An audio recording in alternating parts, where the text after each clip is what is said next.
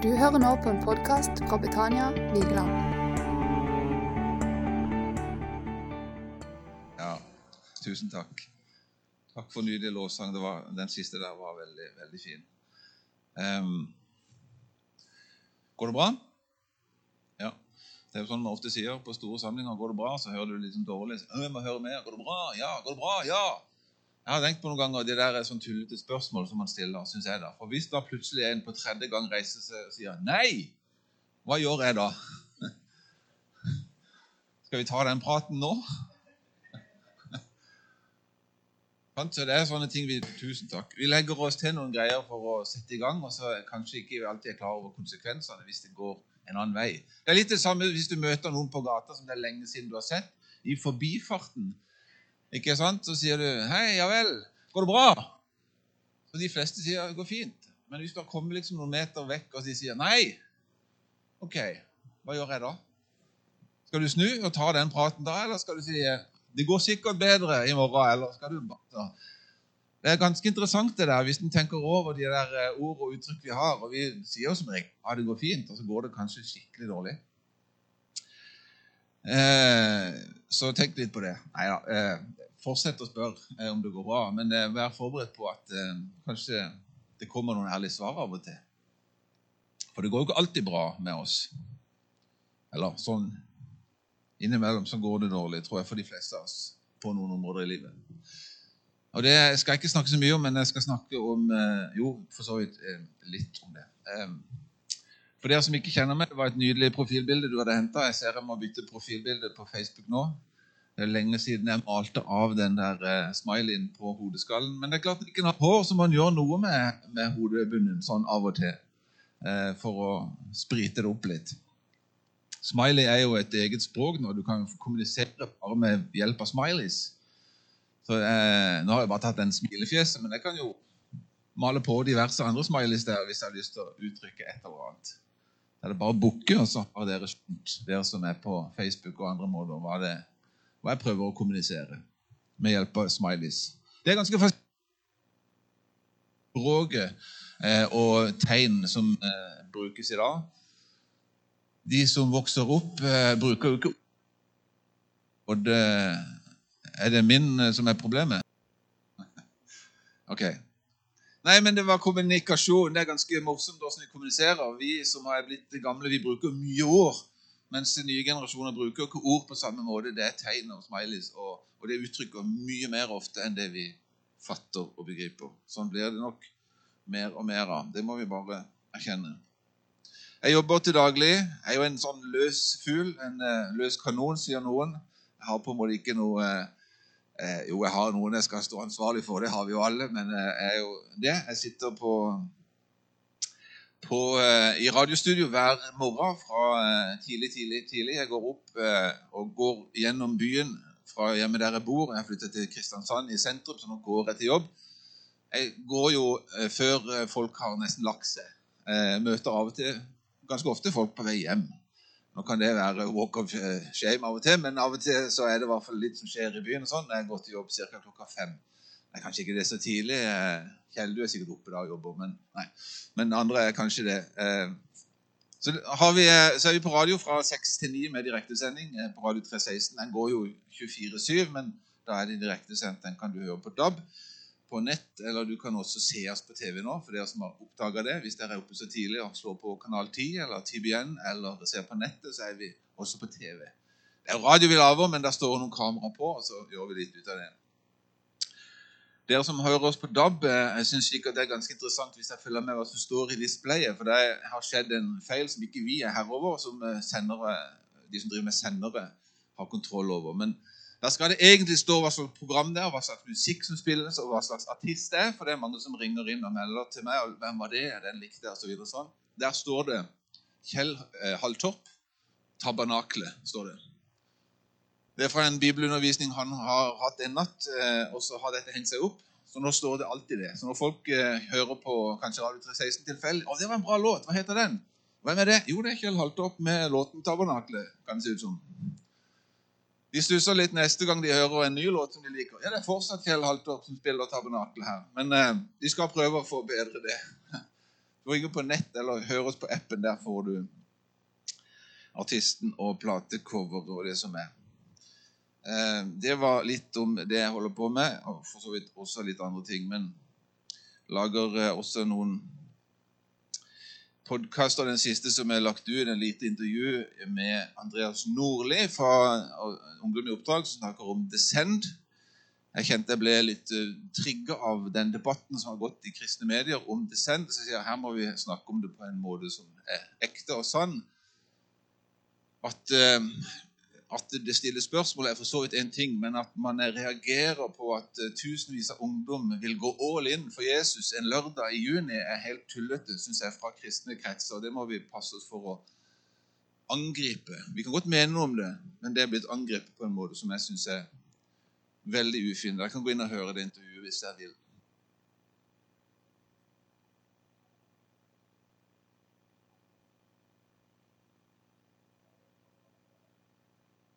Ja. Du vet, Noen kunne holdt en hel preken om bare det der at du bytta batteri og fikk ny strøm på eh, mikrofonen. Så her kan man hente noe fra det meste. Ok, Da skal jeg prøve å si noe eh, i dag. Um, be en eh, bønn først. Gode far, jeg takker deg for at du er her. Takk for du aldri, aldri er langt borte fra noen av oss.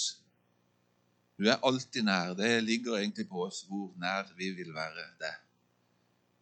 Jeg ber om at eh, det som skal sies her nå, blir eh, liv.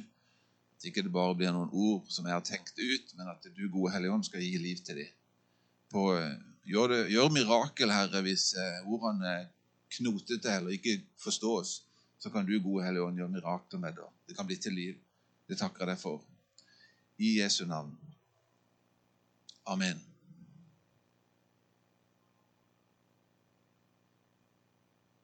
Jeg har en uh, enkel overskrift uh, på det jeg har lyst til å si noe om. Uh, og det er at Gud, han er mer.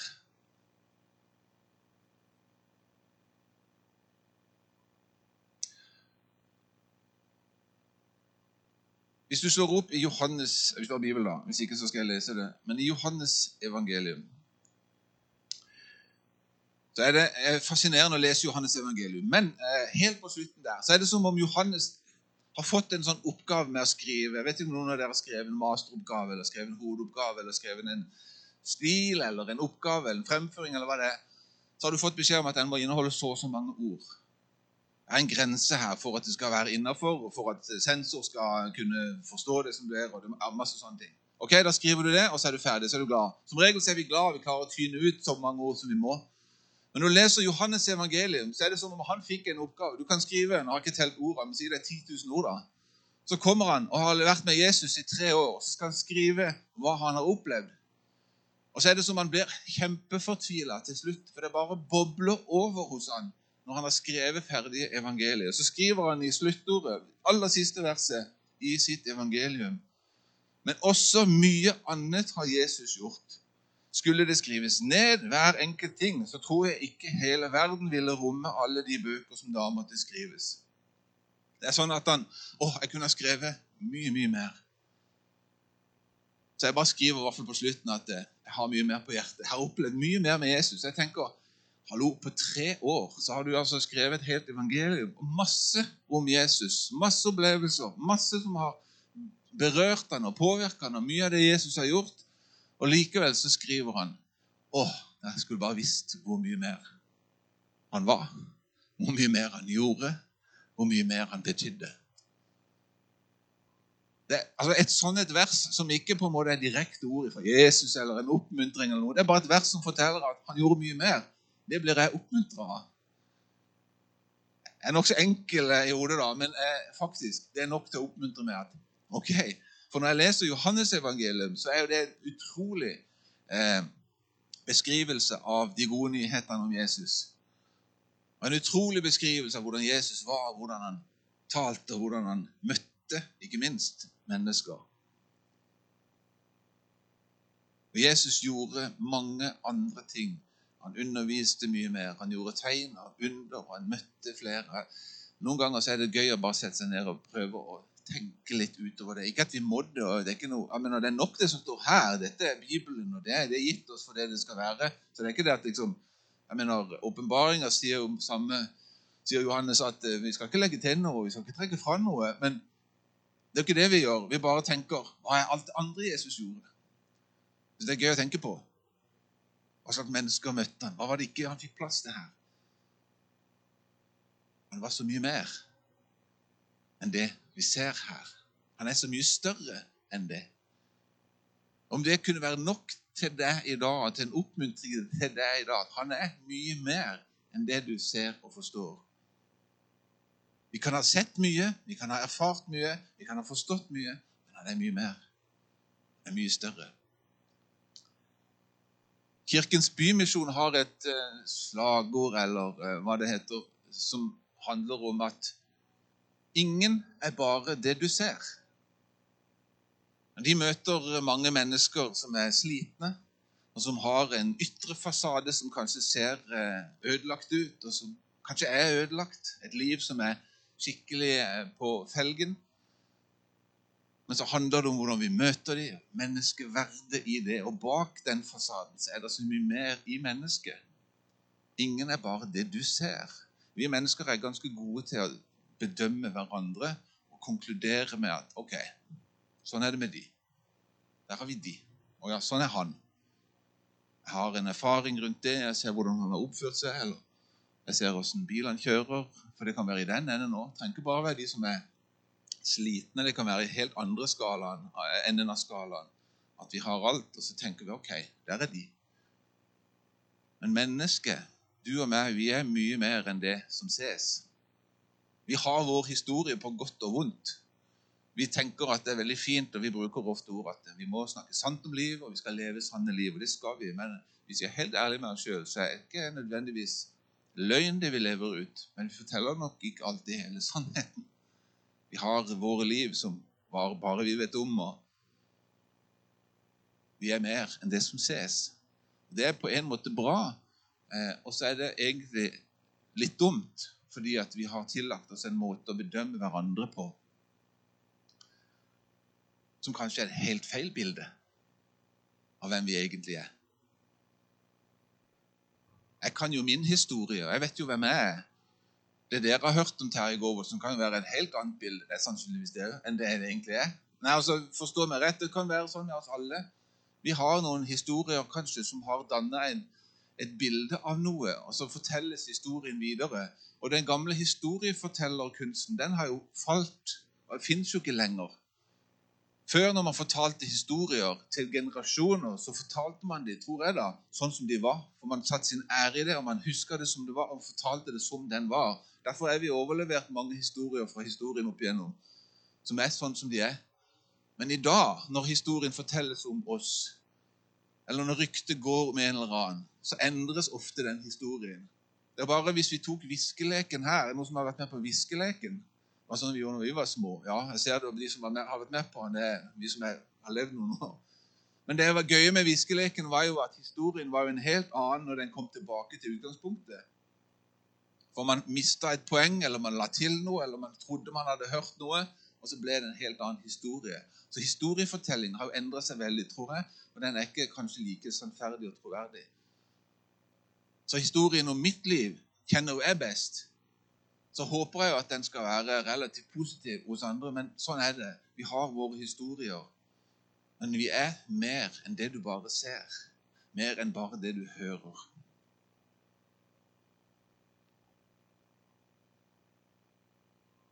Hva med Gud, da? Jo, Gud er i alle fall mer enn det du ser, det du hører. I Matteus 6,33 så står det 'Søk først Guds rike, så skal du få alt det andre i tillegg'. Så det at Gud er mer, han som kan mer enn alt, kan vi lese. Han som skal gi alt det andre i tillegg. Hva er alt dette mer? Hva er alt dette andre? For det er veldig fint å lese det. Søk først Guds rike, så skal jeg få alt det andre i tillegg. Hva tenker vi da? Jo, vi tenker med vårt intellekt ofte. Alt det andre det betyr eh, den jobben jeg søker på, kanskje, eller det betyr økonomi, eller det betyr eh, et eller annet i det materielle, konkrete. suksess eller hva det måtte være. Og det kan godt være. Jeg tror absolutt på det. Jeg tror Gud virkelig ønsker det beste for oss. Men jeg tror den setninga om å gi alt det andre i tillegg er så mye, mye mer enn det vi klarer å tenke ut. Det vi klarer å sette ord på, som handler om vårt egoistiske liv. Som for så vidt Gud er veldig opptatt av våre liv. Men alt det andre i tillegg er så mye, mye mer. Det er en oversettelse som sier at han skal gi, tillegge våre liv det vi behøver når vi søker Hans rike først. Når vi søker Han først. Som det er nydelig. Gud er mer. Han er større.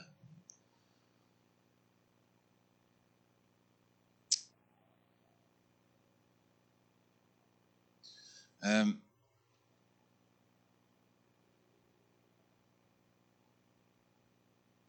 Når Jesus var med sine disipler, så underviste han dem, og så kan vi lese om det i Lukas 24, tror jeg det står, om at han skjønte vel at det gikk ikke helt inn, det han underviste. Så står det bare at da åpnet han deres forstand, så de skulle forstå Skriftene. Altså, Da hadde de en oppfatning av det som ble undervist, men han skjønte at her må jeg bare gå og ta det lenger. Jeg er mer enn det de har forstått nå, så nå må jeg bare gripe inn. Og så åpner jeg luke der i hodet sitt, og så forstår de mer av det jeg underviser nå. Han er mye mer enn det vi klarer å fatte og begripe. Og det er ganske fint, for jeg er sikker på at de fleste her har en eller annen god opplevelse eller flere med Jesus og tenker at det er, det er så nydelig, og det er så bra. Og det er så ja, Det har satt kanskje spor i livet ditt positivt. Det kan du leve på. Det kan du leve lenge på. Men jeg har bare lyst til å si at Jesus er mer. Og han har noe for deg også i dag. Han har lyst til å åpne opp enda mer og vise deg enda mer av hvem han er, og hva han har. Og Det er det jeg tror han må gjøre for andre mennesker som ikke har noe forhold til han. Hva er det de ser? Hvordan forholder de seg til Gud? Hva ser de? Hva hører de? De hører jo ikke først og fremst Gud, at han viser seg. eller De hører ikke at han snakker. De hører jo oss. Og Da er det jo ikke rart at mange har et helt skrudd bilde av hvem Gud er. Unnskyld meg, men det er jo ikke rart. Hvis vi ser rundt oss hvor mye rart som blir sagt fra kristne sammenhenger. Man kan sjøl ha sagt mye rart. Jeg skal ikke si at alle andre har feil. Vi kan ha gjort ting som definitivt ikke skaper et godt bilde av hvem Gud er. Men nå er det sånn det er, at det er jo en del av oppgaven vår, det er en del av kallet vårt faktisk gå ut og fortelle hvem han er, og vise hvem han er. Så har vi, tror jeg, alle en vei å gå der. Men eh,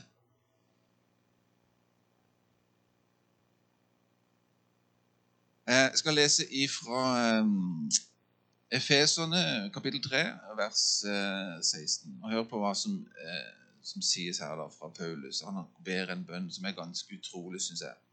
Må Han som er så rik på herlighet, gi deres indre menneske kraft og styrke ved sin ånd. Må Kristus ved troen bo i deres hjerter, og dere står rotfestet og grunnfestet i kjærlighet. Må dere sammen med alle de hellige bli i stand til å fatte bredden og lengden, høyden og dybden, ja, kjenne Kristi kjærlighet, som overgår all kunnskap, all forstand. Må dere bli fylt av hele Guds fylde. Han som virker i oss med sin kraft og kan gjøre uendelig mye mer enn det vi ber om og forstår. Det er en ganske rar bønn, for han ber, han ber en bønn om at vi skal forstå bredden og høyden og dybden, men sier samtidig at han kan gjøre mye mer enn vi klarer å forstå. En litt rar bønn å be, men det viser at det er noe i bredden og høyden og dybden som vi kan strekke oss lenger i og se og forstå. Det er en eh, salme eller en sang som ble skrevet for over 100 år siden, som sikkert noen kan. Guds kjærlighet er langt, langt større. Der synges det òg hvor dyp og hvor bred. Refererer til bl.a. det som Johannes skriver om at det er ikke nok plass til å romme det. Der beskriver han det med at hvis havet var blekk, så var det, var det ikke nok. Hvis himmelen var pergament, eh, det er et gammelt ord for det du skrev på. da. Ehm, så er det ikke nok. Likevel så ber han om at eh, må de se, må de forstå noe av bredden, noe av dybden. Hvorfor det? Jo, for det er mer. Og når du har sett det du trodde var nok, så er det enda mer. Når du trodde at du hadde bedt den dristigste bønnen, så sier han, han, du kan be enda lenger. Du kan be mer. For han kan gjøre mye mer enn det du ber om og forstår. Noen ganger så tenker vi kanskje at nå har jeg, nå har jeg, nå har jeg nådd uh, toppen. Nå har, jeg, nå, har nå har, jeg, sagt for mye, Herre Gud. Nå har jeg brukt uh, nåden for mye. Nå har jeg brukt tilgivelsen for mye. Nå har jeg din kjærlighet brukt opp her hos meg. Nå har jeg sagt de villeste og dummeste og rareste og mest vanvittige bønnene, så nå må målet være nådd.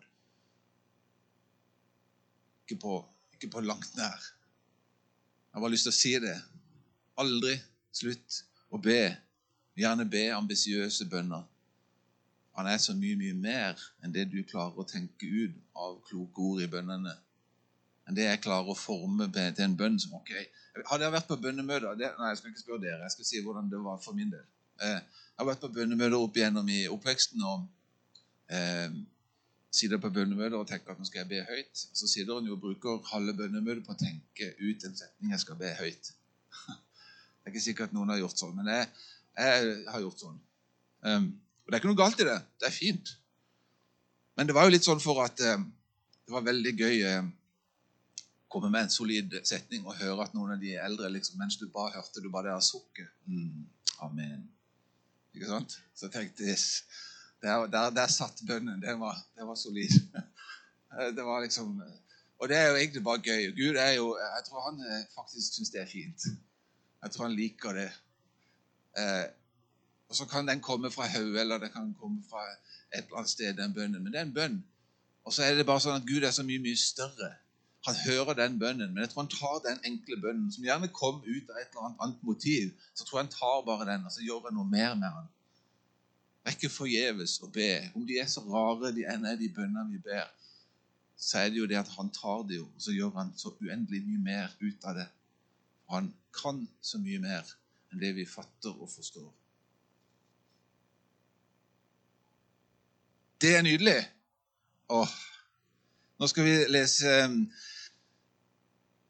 jeg skal lese to uh, skriftsteder fra Det gamle testamentet. I Jesaja 60 så står det og Der handler det om Israel, det handler om Jerusalem og den nye tida. Men jeg synes det, det, beskriver noe. Jeg tror vi kan ta det på en måte til oss likevel. Men det beskriver det der, hva han gjør hele tida nå. Noe som er bra, gjør han enda bedre. For det han sier der 'Jeg kommer med gull i stedet for bronse' fra vers 17. Jeg kommer med gull istedenfor bronse. Det er ikke det at bronse er dårlig, for det hører du seinere. Men bare hør. Jeg kommer med gull i stedet for bronse. Jeg kommer med sølv i stedet for jern. Bronse i stedet for tre. Og jern i stedet for stein. Jeg lar fred ha tilsyn med deg og rettferdighet styre hos deg. Ingen skal høre mer om vold i ditt land, om herjing og ødeleggelse innenfor dine grenser. Du skal kalle murene dine frelser, portene dine lovsang. Solen skal ikke lenger være lys om dagen, måneskinn skal ikke eh, lyse for deg, men Herren skal være ditt lys for evig. Din Gud skal være din herlighet. Din sol skal ikke mer gå, din måne skal aldri avta. For Herren skal være ditt lys for evig. Sørgedagene dine er til ende. Ok, Dette er sagt inn i en annen sammenheng, men det beskriver noe av hvem Gud er. Det beskriver noe om at Gud bare tar det så mye, mye lenger. Han tar det forbi det vi kan fatte, forbi det vi forstår. Så kan vi be så langt vi forstår, men jeg har bare lyst til å minne, la det være det vi minner hverandre på i dag. Så langt du forstår, gjør det. Så ta med deg at han ser enda lenger enn det vi fatter og forstår. Det er en utrolig oppmuntring i bønnen. Gå til eh, Salme 40. Der står det fra vers 3.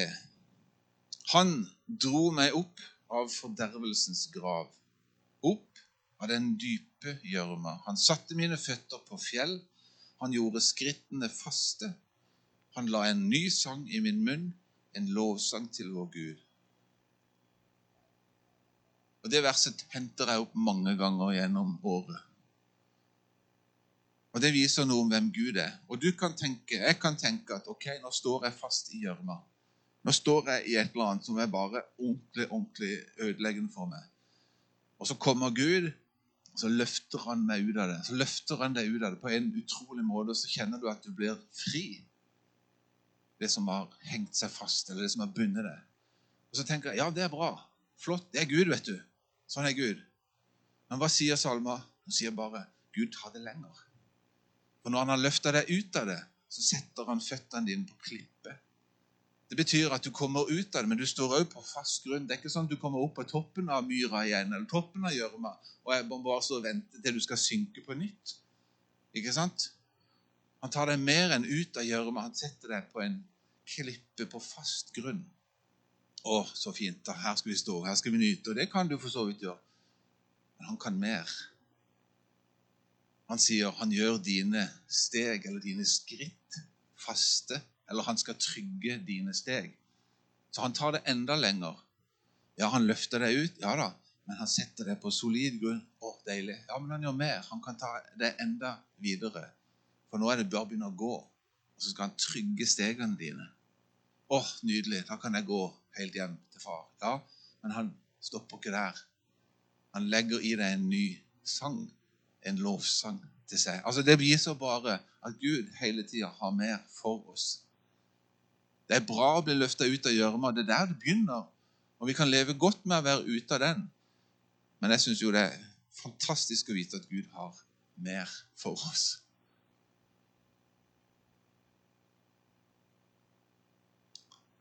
Og Det har jeg opplevd for, for min del. Eh, jeg har ikke hatt noen sånne faser hvor jeg har eh, kanskje vært i veldig dyp gjørme. Og jeg har vært kristen hele livet. Jeg har vokst opp i en familie som, som har vært uh, veldig tydelig på sin tro, og vi har fått uh, Guds ord gjennom hele oppveksten og vært glad i å gå på møter og en eller annen rar grunn. For det er jo ikke alle som er så glad i det. Men uh, jeg ble glad i å gå på møter. Jeg har kanskje sagt her før, men, men det syns jeg var stas. Eller ja, det var greit. Og så var det ekstra gøy med vekkelsesmøter. Det er det ingen som vokser opp i dag nesten som vet hva er, men det er sånne møter hvor mange kommer og blir kristne på. De går fram og de kneler på første benk her. Jeg vet ikke om Har dere vekkelsesmøter her? Har det lenge siden jeg har hatt det?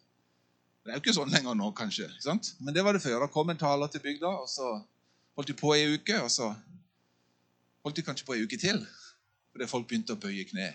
Så gikk ryktene i bygda. Hadde hørt han har bøyd seg. De sa ikke han var blitt frelst, men han hadde bøyd seg. Eller hun hadde bøyd seg. Ganske morsomt. Men det, jeg var gøy der jeg vokste opp. Eh, satt på første rad og eh, når det var vekkelsesmøter. Gleder meg. og Der kom jo Egil Arne, der kom eh, Sødalstrioen, og der kom Arne Aano. og Det var mange som kom og hadde vekkelsesmøter, og de planla det. De skulle planle, skulle ha møteuke. Det var ikke en, møte, det var ikke en, en kickoff, en, en weekend, liksom. Det var bare en taler som kommer og er veldig god, men så reiser en på mandag. Nei da, nå planlegger vi en uke. Møteuke. Med tanke på at kanskje noen blir frelst. På slutten av uka så var det veldig gøy. Synes jeg. jeg hørte liksom i bakgrunnen Mine foreldre var med i komiteen, og de måtte møtes. For de måtte tenke skal vi fortsette. Skal vi bli en uke til? Det begynner å skje. Ah, det kan bli en uke til. Yes, kan vi gå på flere møter? Satt på første rad, fikk en pose med knott. Og de er det mange av oppi en pose. De mørke er jo de beste, syns jeg. Men uansett, knott var det. Eh, og Da varte det. Og så gleder jeg meg til eh, slutten av møtet, når forkynneren hadde forkynt evangeliet, og sier han nå skal vi innby til frelse. Og Da må dere som sitter på første rad, vennligst trekke ut der. Det syns vi var gøy, vi som satt der. Da kunne vi reise oss, så kunne vi gå ut der, og så hadde vi orkesterplass til å se på alle som skulle bli frelst. Det var veldig stas. Sånn er det ikke lenger nå, men nå blir folk frelst på andre måter. Heldigvis. Det er ikke slutt for at folk blir frelst, men det var sånn jeg vokste opp. Jeg ble ikke, jeg ble ikke sånn høres ut som jeg ble hjernevaska til å gå på møter. Nei da, langt ifra. Jeg et normalt liv. Poenget mitt med det er meg helt bort, men poenget mitt med det er at jeg har fått en tro som er solid, og som er grunnfesta, og som holder. For det har ikke mangla på utfordringer i livet. Det har ikke mangla på stormer i livet. Det har ikke mangla på ting som har utfordra meg eh, i, i, forhold til veldig veldig mange ting, og som har satt mange ting og mange spørsmål. Jeg stilt mange spørsmål. Når jeg satt og snakka om det en dag her hjemme, har aldri blitt rokka i troa mi. Jeg har aldri tvilt på at Jesus er reell. Jeg har stilt mange spørsmål på hvorfor ting skjer, hvorfor det er sånn og hvorfor det er sånn, men aldri kjent på at hm, Er du virkelig Gud? Og Det ble jeg bare utrolig takknemlig for. Fordi at røttene sitter så dypt.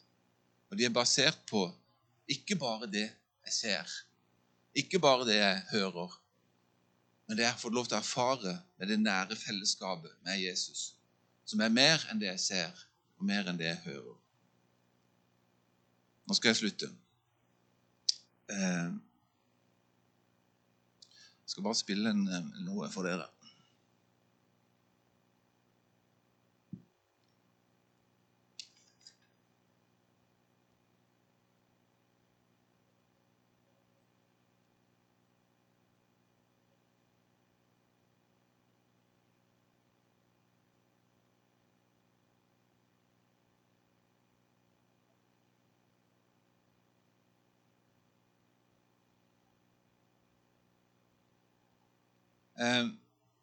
Slagordet til eh, Kirkens Bymisjon er altså 'Ingen er bare det du ser'. I 1971 så eh, ble det gjort eh, Det er mulig jeg har spilt dette før hos dere. det husker Jeg ikke. Jeg er jo dårlig til å skrive ned hva han har sagt rundt forbi. Men eh, det er ikke sikkert alle var der. Men i 71 så ble det gjort en eh, opptak til en film som skulle lages rundt Waterloo Station i London og andre områder, hvor det var mange uteliggere som hadde miserable liv, men som holdt seg der, og som hadde allikevel sitt liv. Og det skjedde mye der. Og mange av de drev og sang. Det var mye sang. Eh, det var mye skal vi si, sang eh, i eh,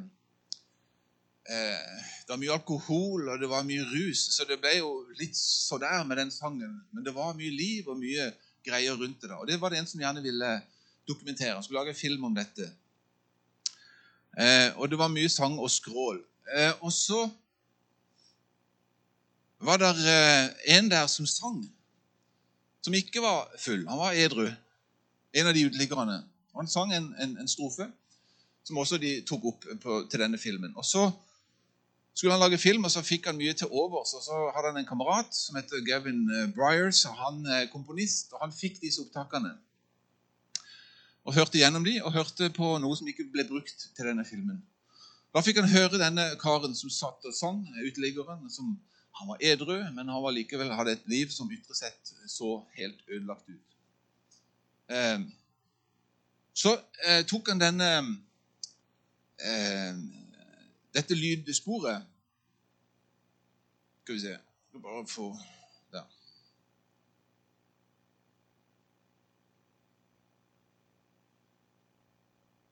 Så tok han dette lydsporet med seg hjem til sitt studio. Og så satte han det på, og så skulle han redigere det, og så skulle han eh, loope det. Han kunne loope det.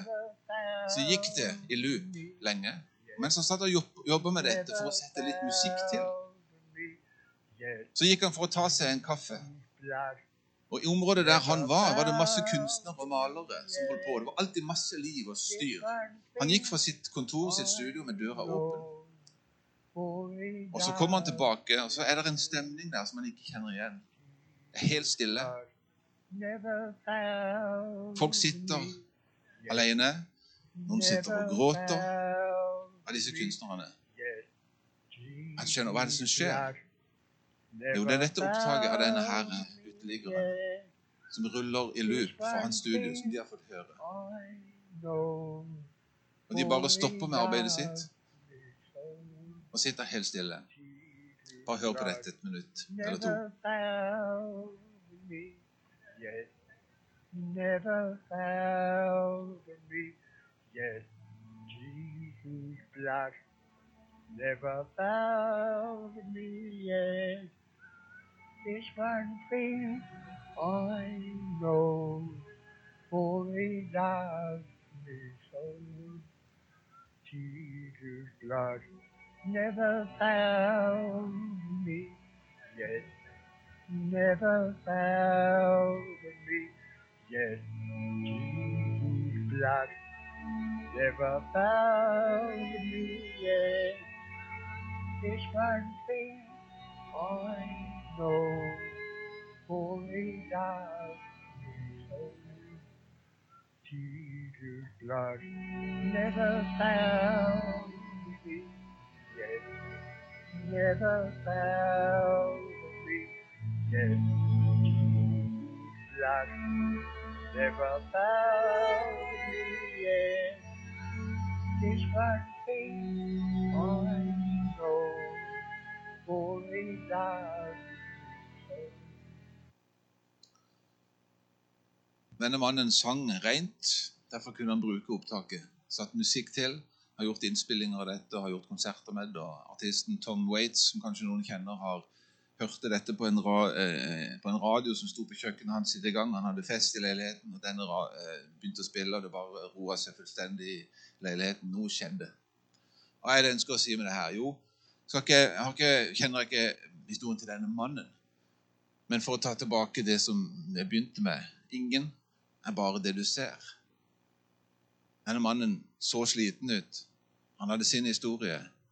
Han sto der og sang deler av en gammel hymne.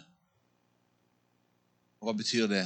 Jesus har aldri svikta meg inntil i dag. Og Det forteller òg at Gud er mer enn det vi noen ganger kan tenke med våre menneskelige øyne. Og dette ble brukt gjennom han og Jeg tror det berørte så mange, ikke fordi det bare var en empatisk tanke til en uteligger, eller at han sang i med, at han sang rent. Men jeg tror at det kom noe guddommelig over det som handler om at Jesu blod aldri svikter. Og viser at Gud er større.